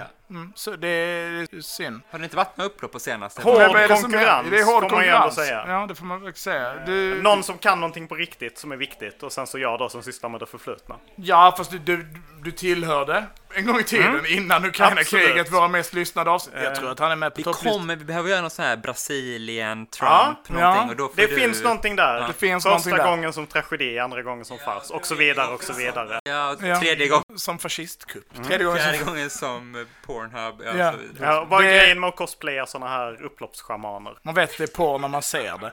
Okej, favoritavsnitt? Eh, jag kom in i det här rummet och tänkte Lejonet och björnen och med det menar jag då Lejonet och drak... Nej, Draken och björnen. Eh, alltså ert andra avsnitt har jag fått lära mig. Väldigt spännande, lärde mig mycket som jag inte visste. Men nu känner jag ju att jag måste säga Bumbibjörnarna. och där ju jag ändå vill säga att myran är ju den som har liksom den korrekta analysen. Okej, nu tar vi bort, stryker vi fråga två och så tar vi bara den här diskussionen istället. Hur fan kan du mena det? Men jag vill ju, nu vill jag ju prata om upplopp. Nej, det, har det, är struket. Jag är, pro, jag är både projekt... Heter det inte alls? Producent. Producent heter det. Jag är både Ja. producent och, eh, och medhost. Alltså jag, Vad menar du? Förklara det här. Nej, men jag kände väl kanske att din analys var lite, låt oss säga ortodox eller kanske lite skohornad. Du hade ett case och så försökte du trycka in det fast det inte stämde med Okej, fakta. men på vilket sätt då? Ja, här kände jag att jag inte riktigt så här. Nej, nu, nu är han tyst. Ja. Det är första gången vi har sett honom tyst, ska jag säga. Precis. Annars det har är ju- alltid ett svar. Det är för att jag inte riktigt har förberett detta. Nej, Nej. det är det, Låt det, är det som mig... krävs. Jag improviserar Vi går till fråga två Ja, istället. vi skiter Ja. i det. Fråga två. Vad är det bästa upploppet? Ja, här har jag två svar. Ehm, det ena svaret är ju lite så här. Vad är det roligaste, kulaste, så här, bästa? Och då, då vill jag ju säga det stora elefantupploppet i Skänninge. Eh, 1800, jag vill säga 6. Försöker du sälja en bok nu också? Eh, jag har varit redaktör för en bok som inte längre går att köpa. Men som finns på inte. biblioteket, så man får gärna läsa den. Det stora elefantupploppet. Det är tokigt, det har allt liksom. En preussare som är fransman, som har ett menageri. Jättemycket fulla bönder som är så här. "N- Du tar betalt för att vi ska få titta på din elefant. Som av någon för mig helt outgrundlig anledning finns på andra våningen i rådhuset i Skänninge. en liten ort i Östergötland. Eh, De bryter sig in, det blir upplopp. Eh, Den här franska preussaren får stryk, han blir rånad. Eh, Folk tittar gratis på elefanten. Där är Och- en elefant. där är en, ja ja, som sen dör under brittiska flottans beskjutning av Köpenhamn under Napoleonkrigen. Åh, jävlar, det är alltid Det är många, Det är alltid britterna. Det är många lager i det här. Militär behöver tillkallas. Det är det som är kopplingen till podden. Ja. Eh, så det är ju mitt liksom så här typ, haha, jag har eh, tre öl in, eh, fem öl in, eh, svar. Två hotshots. Men mitt liksom seriösa svar, grundat i så här historisk forskning, är ju det bästa upploppet är ju såklart det upploppet som inte händer. Det här är ju den brittiska historikern E.P. Thompson som är så här. Varje enskilt upplopp har liksom väldigt liten effekt. Folk, det händer någonting, folk blir arga, de gör ett upplopp och då säger makten Ni gjorde fel, nu kommer vi straffa er. Och så blir folk straffade eller dö, liksom avrättade eller så. Men menar J.P. Thompson, nästa gång någon tänker så här, ah, ska jag inte höja priset på mjöl lite? Så är de så här, vänta här nu. Förra gången någon gjorde det så blev det ju ett jättestort upplopp och han som försökte göra det blev ju lynchad. Och så låter han bli. Det är ju det uppenbart det bästa upploppet. Alltså, E.P. Thompson menar att arbetarklassen har upplopp som en liksom knölpåk bakom ryggen. Och så är de så här. Jo, men det du- är ganska kul ifall man får använda knölpåken ibland. Ja, men, Ja, ja, det men låter jag, så jävla mycket som myran just nu. Det känns verkligen som att det är Ja. två myran som är med. och jag tror att, ja, men jag tror att E.P. Thompsons argument är att du måste liksom ta fram och vifta med den där knölpåken ibland. För att påminna folk om att, ja just det. Det är ju så här de konkreta maktrelationerna faktiskt också kan se ut. Men att du liksom... Okej, okej, du har outsmartat oss på det här. Ja. Du behöver Big använda upploppet som ett, liksom så här, Ja. eh, som ett sätt att reglera sociala relationer. Till exempel kostnaden, den nödvändiga kostnaden för reproduktion av Ja. arbete, arbetskraften. Det är väl en återkommande sägning i vår podd att så. Man kan piska ett folk Ja. och sen vid en viss punkt så biter de tillbaka. Ja, men visst har ni också sagt, liksom när ni har pratat om Clausewitz, att där är ju också ganska mycket idén att det bästa kriget är ju det kriget du aldrig behöver utkämpa. Ja, eller, Det ja, du bara är ja. så här, alltså ni skulle ju kunna göra som jag vill och då blir det inget krig. Eller så skulle ni kunna göra som jag inte vill. Aj, aj, aj, aj, aj, då är det ju arméer i Flandern. Ja, Då har vi det. ja, ja, jävla tråkmål. Okej, men om vi hade ställt frågan så det ballar, men det är ju elefantupploppet. Det är ju då. elefant. Du har redan det har gett ju oss det allt. vi vill Det ha. har Du har redan gett rasism, det har fulla Ja. bönder, det har en fucking elefant. Det har också någon typ av liksom apekatter. Det är lite oklart vad det är för djur. Är det orangutang, apekatt? Nej, alltså lemur skulle jag spontant säga, men det här är ju liksom tidigt 1800-tal. Soffan säger ja. Då Så Då kan det vara liksom, det är en ganska bred spektra av, ja. Men för jag tänker också att jag tycker att historien hade varit ännu bättre om det inte fanns en elefant. Ja, ja, ja. Men det är Men väl, jag det är tänker väl att det här- att tattaren i mig som pratar. Det, så kan det kanske vara. Det vill jag inte uttala mig om. Nej, det är smart. Däremot jag så jag tänk- gillar det i en fälla. Tänker jag så här att liksom det som elefantupploppet, om vi tänker på det teoretiskt, så säger det ju någonting om så här. Här finns en moralisk Mm. idé om vad är det rätta priset för att få titta på en elefant. Nästa gång någon ska visa upp en elefant Ja. så är man så. Det får bli jävligt billigt alltså. För Mm. annars så lynchar de oss. Det är snarare så här, vi tar inte hit elefanten tror jag. Ja, det, skiter kanske, i det, i, ja, i, ja. I det konkreta var det kanske exakt så det hände. För att jag är inte säker på att det har kommit så många elefanter Jag skulle ju då ändå säga att det bästa upploppet som händer är det som händer. Eftersom att människorna som deltar i det svetsas samman i en erfarenhet som de sen kan föra vidare. Jag tänker att historien också många gånger är skapad av människor som har deltagit i upplopp. Eh, Inte för att Ja. bli liksom individualistisk på det sättet, men om jag då försöka, till skillnad från myran, så verkar Mm. Är det här Lenin det röven. strejker vi har här nu? Ja, kanske. Men också liksom bara överhuvudtaget att uppleva så. Jag kan ta Vietnam då, ett återkommande Mm. tema i vår Det podd. var inte ett upplopp. Det var en jättemånga upplopp, till exempel risupploppen i Vietnam det under japansk... upplopp. Nej, du vet ingenting om Vietnam, Myran. Du vet noll om Vietnam. Det var inte Vad ett. heter Vietnams huvudstad? Tvekan där, tänk att vi kan ha... Ja. Att liksom, att det också... Ja, ja, ja, men det... Torst, eh, Torkel. Torsten, jag minns inte ens vad han heter. Den där. Torsten, jag tror det är Torsten, vi pratade om det tidigare. Att det också gör saker med rörelsen.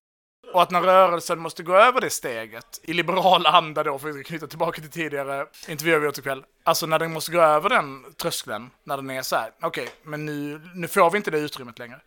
Det blir en väpnad konflikt i någon mening, tyrannen måste störtas. Då bär ju människorna som är med sig det, de, deras illusioner är ju redan krossade liksom. Nu får inte du säga mer Anders, så vi bara...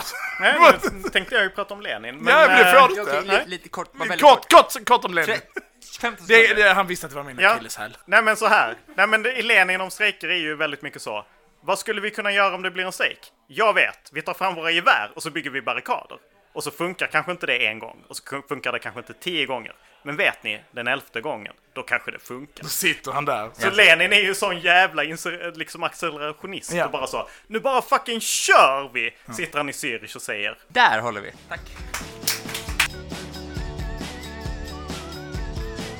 Glider rätt bra alltså.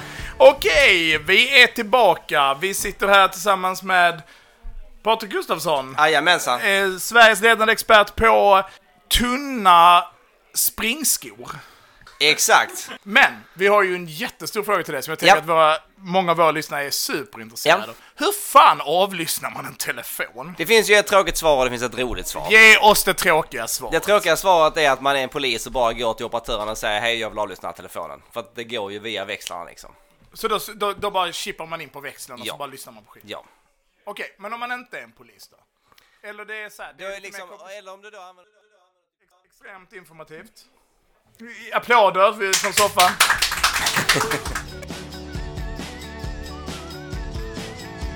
Och tillbaka. Nu sitter vi här tillsammans med Simon Alskans. Yes. Hästmästaren. Hovslagare, chef för miljön. Exakt. Ja. Du är ju här och du har varit med tidigare. Du har Japp. pratat om kosacker. Yes. Kosacker har aktualiserats igen. Ja. Vi har diskuterat det du och jag vid Ja, sidan ja, ja. av, liksom. Det är Ukraina och hela skiten. Du är också fadern till mitt möpintresse. Ja, jag tar på mig det. Du tar på dig det, det, det till min frus stora förtret. Och alla lyssnare stora glädje kanske? Ja, precis. Och vi hoppar raskt vidare till fråga två. Vilka är det bästa? Simon är ju trots allt vår hästexpert. Vilka är de bästa kavalleristerna genom historien? Det är kejserliga gardets jägare till häst. Du behöver zooma in det här lite. Nej, men det är ju Napoleons imperiegardes, det lätta kavalleriet. Big up. Big up, ja. precis. Big up till dem. Ja. Tack så jättemycket Ja, tack. Simon. Fantastiskt fint. Uh, applåderna regnar ner över hästmannen. Mitt förtret.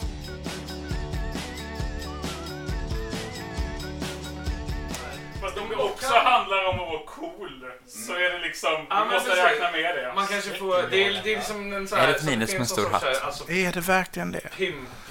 Ja. pimp-faktor i det. Ja, för Mm. pimpfaktorn är så att ju, ju fetare regementer, ju längre soldater och större mössa.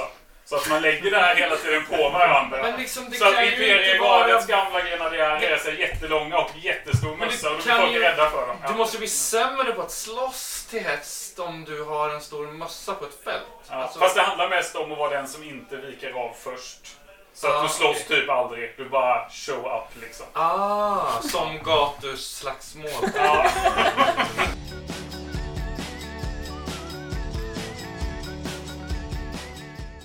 Då är vi tillbaka. Nu är vi här tillsammans med Christian Månsson.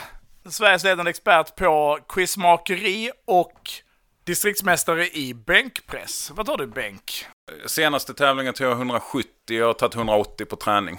Ingenting. Då säger jag inte det. På träning. Ingen, det, är ingenting. Då hoppar vi raskt vidare till fråga ett. Favoritavsnitt. Ehm, jag har inget favoritavsnitt. Då hoppar vi raskt vidare till fråga två. Och det är så här, du är ju vänsterpartist, eller Mm, hur? stämmer. Mm. Och ehm, då undrar vi ju... Varför? Nej. Vem är du? Fan, hade du varit SSU-are? Men jag har ju kommit på bättre tankar. Ja, ja, ja. Men en, häck, en häcklar... Han, han! Den där rösten i bakgrunden. Det är bara snippet. En häcklare i publiken. Ja, he-. Ja. Kasta något ifrån. Eh, mina priva, min rent personliga åsikt är att jag tycker att vi ska ha ett kärnvapenprogram. Ja, det var det jag var ute efter. Och då tackar vi Christian för den.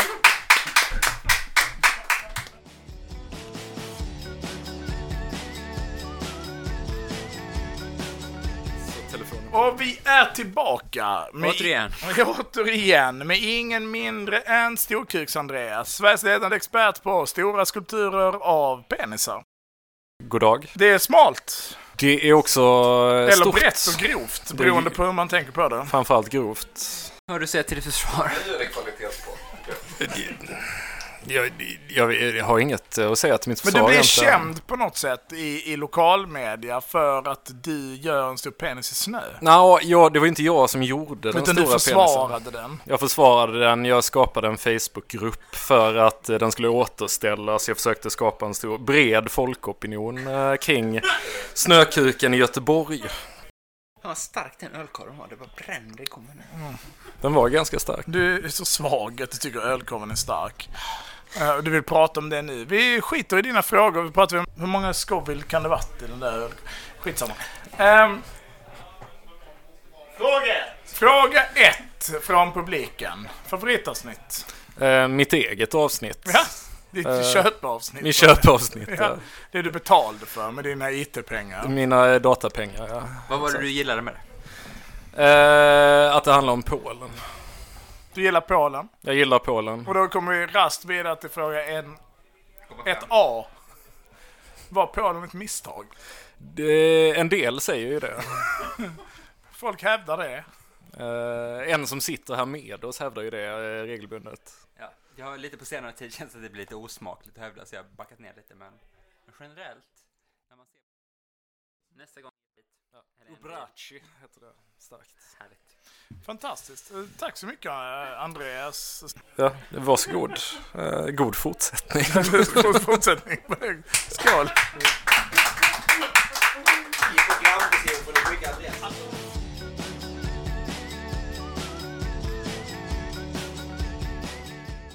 Nu är vi tillbaka. Med mig, Martin, och med Gunnar. Hallå? Du eh, var med i ett av våra tidigare avsnitt. Det är ganska lång tid tillbaka. Jag tänker att det måste vara så avsnitt 20 Jag, någonstans. jag tror typ det var avsnitt 11 eller någonting. 11 till och med. Är Jemen bra, Gunnar? Om man får tro titeln på Tanja Holms bok från 2015, Jemen är bra. Men om man ska ta och tolka det lite mindre, ska man säga att Jemen mår inte superfint. Det är på 9 gradig skala svag tvåa.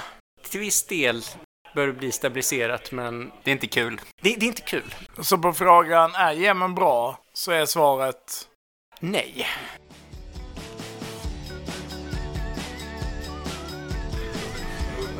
Och då är vi tillbaka igen. Hej Willy. Hej Miran Andersson. Hej. Hej. Myran insektsna. Hur är läget? Det är bra. Det är Vill bra. du flytta mikrofonen lite närmare ditt ansikte? Jag flyttar ansiktet närmare Ja, mikrofonen. Okej, du bara Är det gör okej? tvärtom direkt. Ja, är det okej? Okej. Eh, vilket är ditt favoritavsnitt? Fråga ett.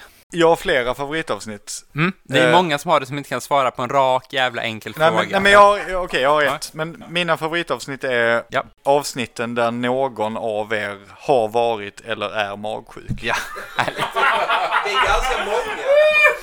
Så. Och mitt absoluta favoritavsnitt är när, när eh, Martin är magsjuk och eh, ger en shout-out till när jag eh, har fått barn. Ja, såklart. Det är extremt rimligt. Ja. Hur många barn har du? Två. Två, två barn har jag. Det var andra barnet, det var, det var en ganska liten shoutout. Ja. Det var liksom inte så här första barnet grejen, Ja. utan det var, det var mer välkommen till... Bra jobbat. Tack. Ja. Trevliga, båda två, absolut. Och du Eh, gillar dem. De gillar dig väldigt mycket. De har pratat mycket om dig idag. Bra att höra. Ska jag säga. Ja, sist jag träffade dem så var det mycket så här, klä sig i rumpan, få ett finger i ansiktet liksom. Den. Ja men det gör de hela Ja. tiden. Det, det, Storkuks-Andreas är väldigt provocerad av att det har hänt honom hela dagen. Han är lite Han är fjompig kan man ganska säga. klemig. Ja, Ja. precis. Eh, Du, eh, fråga nummer två. Om du fick äga vilket vapen du ville. Är det det som är frågan? Det är frågan tror jag. Vilket skulle det vara? Men jag skulle äga en kulspruta. Bara straight up. Ja men det är svårt så här, frågan var konstigt ställd. Om det bara är så här vad som helst, det var skjutvapen liksom. Ja. Det, vad som helst. En, ja men en, kul, en PKM eller någonting, en kulspruta. Någonting som man inte på ett rimligt sätt kan få äga. Okej, så du annars, skulle liksom, det här är liksom, du tänker så här, det här är en öppning för att lura systemet. Ja, Vad skulle man ha- ta för chans då liksom? Ja, ja precis. Jag vill Men ha vad det skulle vapnet du som göra är med en minst- PKM? Jag skulle skjuta på papper med den. Ja.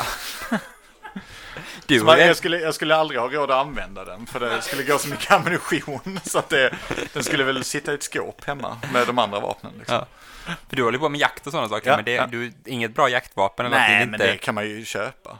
Det är ju det som är grejen, att jag, nästan alla vapen jag bara skulle ha praktisk nytta av kan jag ju äga. Vadå, en sån italiensk bock? Ja, som- det skulle jag kunna ha och Som sälja. kostar 100 000? Ja, och så sälja den. Ta ett lån, köpa, köpa köpa, den. köpa en annan bock för Skjuta. 3000 och Ja. köpa ammunition liksom. Okej. Det hade varit nice.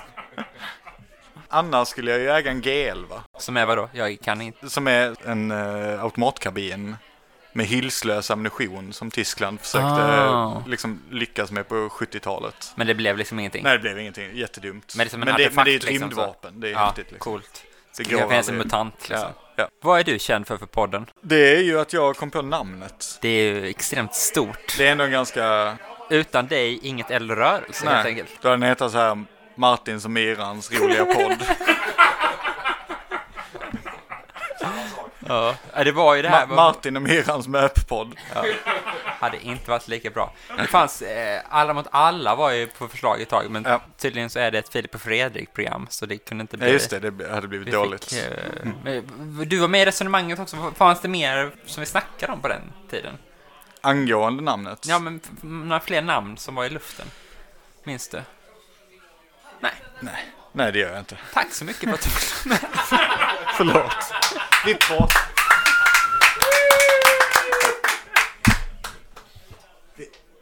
Du, ref, du refererar till någonting? Nej, jag har ingen aning. Jag får- namn. Nej. Nej, jag har ingen aning. Jag tror, jag, tror, jag tror att jag bara kom på den briljanta idén och att ni direkt, det här var bra. Ja. Ja, nej, men det, jag minns att det var fram och tillbaka mycket så. vi- Och eh, Martin var så, det här är för långt namn och sådana saker. Men det är det ju inte. Det är, Nej, men och sen råkar jag gå in och säga varför heter den inte bara Eldrörelse? Ja. Det är ett jättebra namn. perfekt. Skål! Skål, skål. Och då var vi tillbaka och vi sitter här tillsammans med Gustav, Sveriges ledande expert på MDMA. Välkommen! Man får be att tacka. Ja, det är en otrolig fröjd att ha dig med, känner jag nu. Nu blir jag lite emotionell här, känner jag. Stop it. Är det mer att ni har accelererande fylla som händer nu? Det har Eller ingenting med något att göra. Nej, tycker okej. inte du ska hålla på och Absolut. peka ut Jag ska inte peka ut någon. Peka finger. peka Jag inte pekar inga finger. MDMA-kungen ska inte säga något. Ja, ja, nej absolut. Det är klart att MDMA-kungen sitter här och pratar om känslor. Ja, det är helt rätt. Tycker, tycker Fråga ett. Fråga ett. Favoritavsnitt? Eh, kvinna i gerillan. Mm. Ja, det får jag ändå plocka från dig, för du har sagt samma sak tidigare. Jag tycker att det är riktigt bra. Det är en jävla banger. Ja, det får jag säga. Ja. Det är inte många som håller med, men eh, jag tycker det. Det, det, ja, det är många som håller med. Ska Är det säga. så? Det är en ganska unik, eh, ganska unik intervju. Eller hur? Sätt, ja. Ja, alltså jag tycker att det är... Det är lite som att man eh, är så här att, ja men här har man tittat på en James Bond-film. Alltså sån helt sjuk berättelse. Och sen helt plötsligt sitter någon som man känner och säger att så här gick det till och så här hände det. Och så är det bara som att det blir på riktigt. Alltså, Jag hoppade ju av då när det var det här självmordsbombaruppdraget. Men jag sket i det för att eh, de sa ju att det var inte läge. Exakt så. Det var inte läge att vara självmordsbombare så jag flyttade till Helsingborg och blev hemspråkslärare istället. Exakt, Liksom, exakt den grejen. Och man bara undrar, hur, hur hände det här? gick det till? Och det är ju det som är det också, och jag tycker verkligen att det understryker den här liksom, med att det är van, att det är riktiga människor. Ja, det är riktiga människor, det är en riktig rörelse. Ja. Och det här kan hända på riktigt. Det är inte bara att man... Nej, det är inte en sån konstig idealiserad superkomplex bild. Nej. Utan där sitter man och pratar med, ja, jag är hemspråkslärare och för tio år sedan så var jag så här, jag ska bli självmordsbombare, det var min grej liksom. Ja, men alltså så här, jag sit- sitter med några polare och pratar om hur kan vi påverka världen runt Ja. mig. Då gör vi den här grejen. Men jag var med i den här eh, elitstyrkan, vi skulle, vi skulle... det var- Och så är den enda skillnaden då att istället för att du och jag sitter och pratar så är det du och jag, kanske Öcalan, som sitter och har ett gott snack om... Sen var det ju lite weird. Ja, det är sjukt var- weird! Ja, ja, det får man säga. Öcalan kunde läsa folks tankar och så. Ja, det, var ju- får man ju säga att det det, man- inte flyger. Men Nej, det, eh, vem vet? vem vet? Vem vet? Inte är det jag. Myran Nej, vet. Myran hade... Fråga två. Går Oj! Rent biologiskt. Kan man läsa folks tankar? Inga fler kommentarer. Nej. Ja, han släpper den nu. Fråga två. Vad är det absolut tråkigaste med att vara soldat? Det är en bra fråga. Ja, det är en bra fråga. Ja, nej men det, det, is boring, som brukar, folk brukar säga. ja, nej, men det är rätt tråkigt att ha tråkigt. Eh, och det är väl det vi kommer koka ner det till. Eh, men alltså, att inte ha internet skulle jag säga. Applåder! Ja.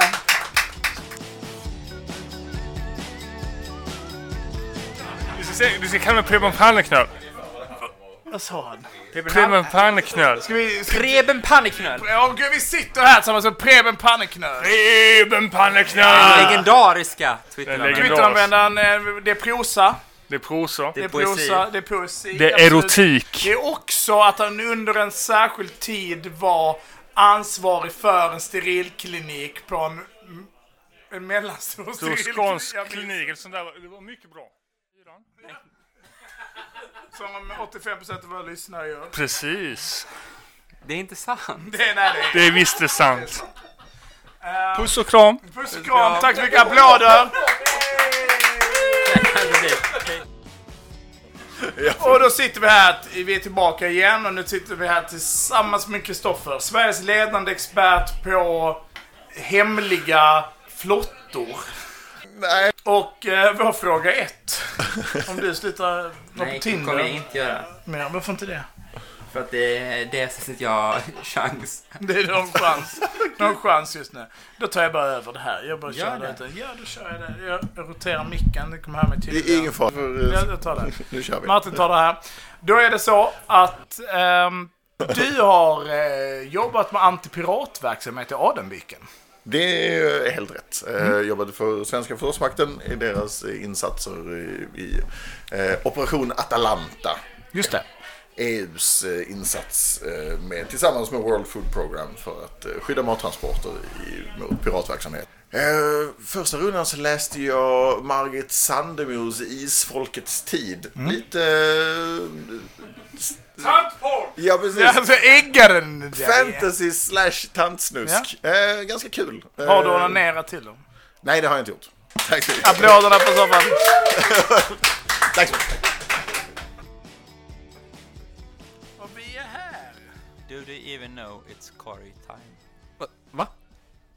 Va? Är, är, det, är det någon grej? Do they even know it's Christmas? Ja. Do they even know it's curry time? Curry Det är helt Vi obegripligt. sitter här tillsammans med Kalle. Han är en redaktionsmedlem, känd från Välkommen till Malmö. Men jag, kan, jag, kan, jag kan hjälpa dig Harry. Du kan ju generellt ha en, en nivå som gör så att man aldrig toppar. För... Ja, exakt. För att, för att det går ju... För det går ju alltid att höja i efterhand. Jo, jag... Mm. Det är aldrig jag som är den normala inspelningen. Ja, ja, för, Förlåt. Här sitter vi tillsammans med Kalle. Ja. Är du mer nöjd nu när jag pratar så här? Mm. Leather Daddy. Just det, just det. Tänk er det, fast istället för en björn så är det en kamel. Och istället för läder så är det kammo. Det är det den här eh, vad heter det, eh, kamelen har på sig. Det är märkligt. Det är ver- framförallt uppseendeväckande. Ja. Inte bra kammo. Men väldigt bra content. Bra content. Tack så mycket!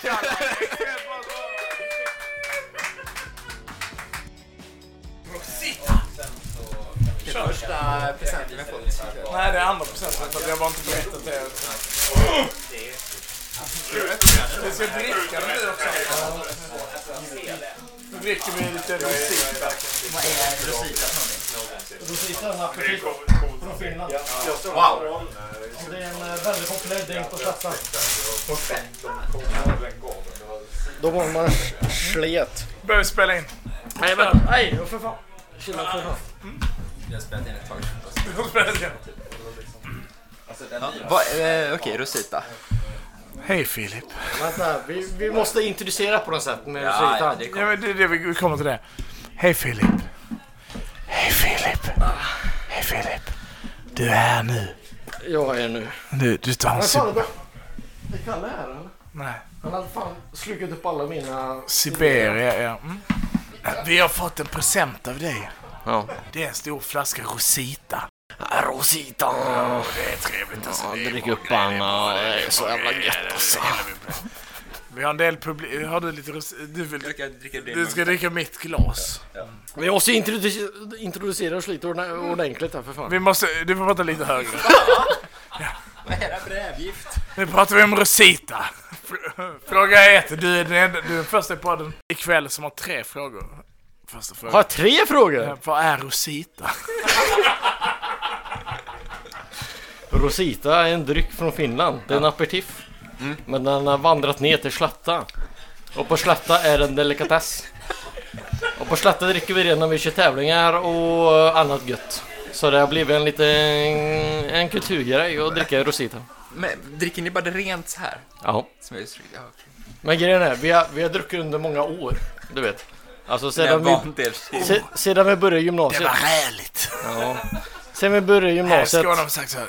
Det smakar rävpiss, Filip. Ja, alltså vi har, vi har dragit Final Fantasy, vi har dragit Super Smash Bros. Förloraren dricker Rosita. Men grejen är, när man dricker Rosita så lär man sig älska Rosita. Det är så. Den acquired taste. Det är det. Det är det. Den Okej! Ja. Det var en bra presentation av din, din present till oss på 100-års... eh, Det är fantastiskt att ha det här. Jag måste bara fråga, vad är det för tävlingar? Jag hörde han sa det. Jag sa ju precis Ja. det. Lyssnar du inte eller? Säg det en gång till. Vi det- kör Final Fantasy. Ja, fan, Ja, man spelar... jag fattar Hur inte fan det- tävlar man i Ja, Final Okej, Fantasy? nu förstod jag vad du just sa. Okej, okej, okej, okej. Vi kör Smash Bros. Ja, då, då Det fattar jag jag. också. Då kan man tävla. Vi kör Dragon Ball. Men hur fan tävlar ni i Final Fantasy? Jävla furry-folket ut. Ja, det är Det var inget svar. Ja, men det vi stannar där. Vi Jag kan stannar inte där. svara Inte fel. Nej, du vet inte. Du vet eller, Du bara sa en tv-spel, eller hur? Du bara sa olika tv-spelsnamn. Det sa jag. Ja. Okej. Vi rast vidare. Vi har sitter här med Rositan. Det smakar rävpiss. Det smakar stannar i munnen också. Det stannar där. Det är säkert 3-4 minuter sedan nu jag smakade på det. Men det är en acquired taste, precis som du. Så det är ju passande. Första frågan. Ja. Favoritavsnitt, Filip?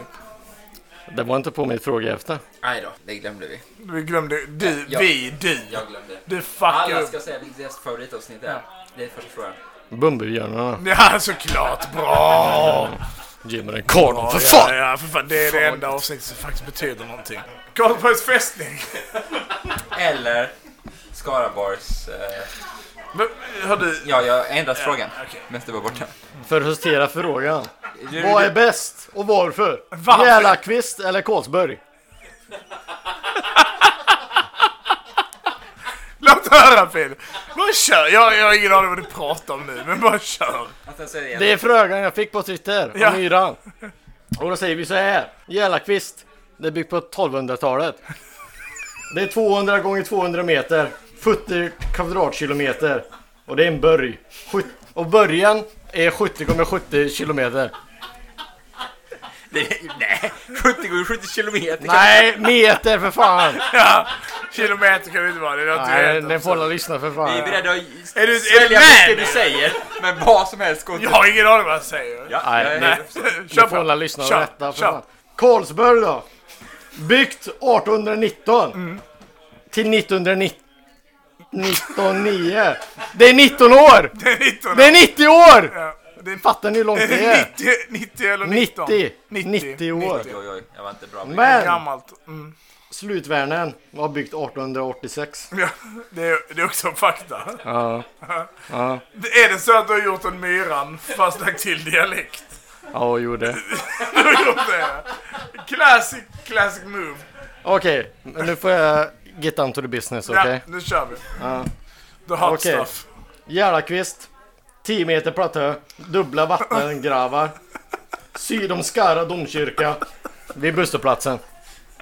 Okej. Plus Järlakvist.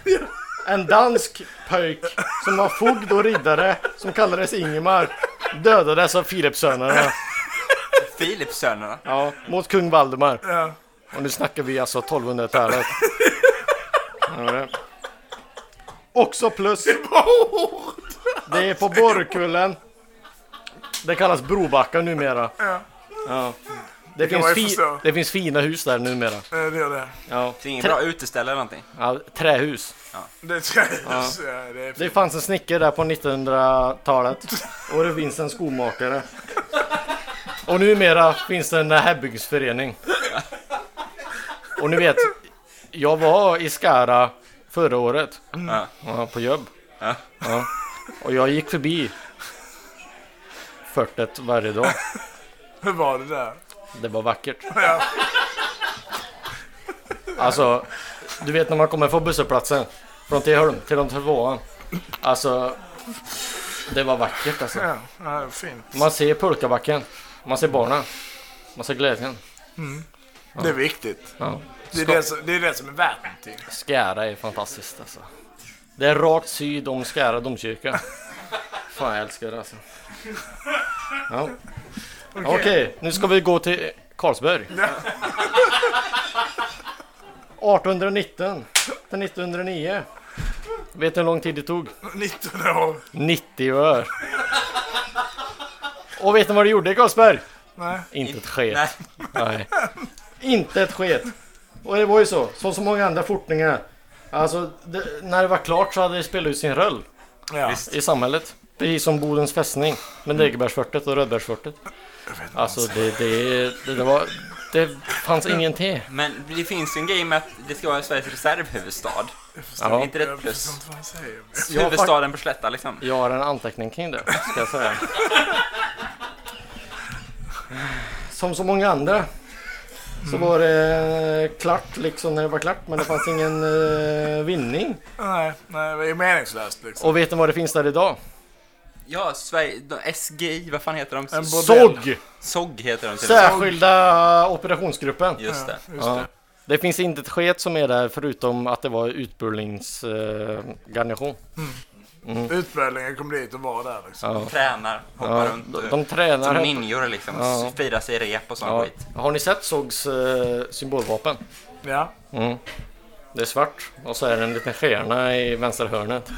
Det låter jättetråkigt. Ja, inte något med det att säga. Nej, nej det är för jävligt verkligen. Nej, och sen ska vi komma till det viktiga. Ja. Karlsberg. Det är inte på Slätta. Nej. Va? Är det inte det? Nej. Vet, vet du vad som är på Slätta? Nej. Skara... Järlakvist på Skara. Som också kallas för Skaraborgs fästning, för Skaraborgsborg. Nej, Skaraborgsberg är en annan sak. Det är Okej. inte samma sak. Men Skaraborgs slott är en annan sak, det vet jag. Mm. Men, men början, det finns en diskussionsämne om det är det som uppkallade efter att det är Skaraborg eller inte. Mm. Det börjar Så då, jag, jag, jag, anar, jag anar vilket eh, du väljer av de här två. Och det är inte Karlsborg. Nej, och det är så. Alltså Karlsborg, det är ju eh, folket Sveriges eh, reservhuvudstad eh, förr i tiden. Ja. Mm. Och vet du vad som påminner om Sveriges reservhuvudstad? Stockholm. Göteborg. Nej, Malmö. det är Mariestad. Och vet ni vad Mariestad är? Och har varit? Jag sket Sveriges residenshuvudstad. Mm. Och fy fan vad jag hatar Mariestad. Det, det finns en viss eh, intellektuell auktoritet över residenshuvudstad. Visst. Och det finns en Mariestad. Och borgarna. De älskar Mariestad. De älskar Mariestad. Crazy De drar som fan på De är som ni residenshuvudstaden. var på eh, Rosita. Ja. Rositan, det är motmedlet mot Mariestad. Kan man säga. Tack så hemskt mycket. Fantastisk insats. Eh, Det är så många frågetecken. Tack, tack. Ha det gött, hej.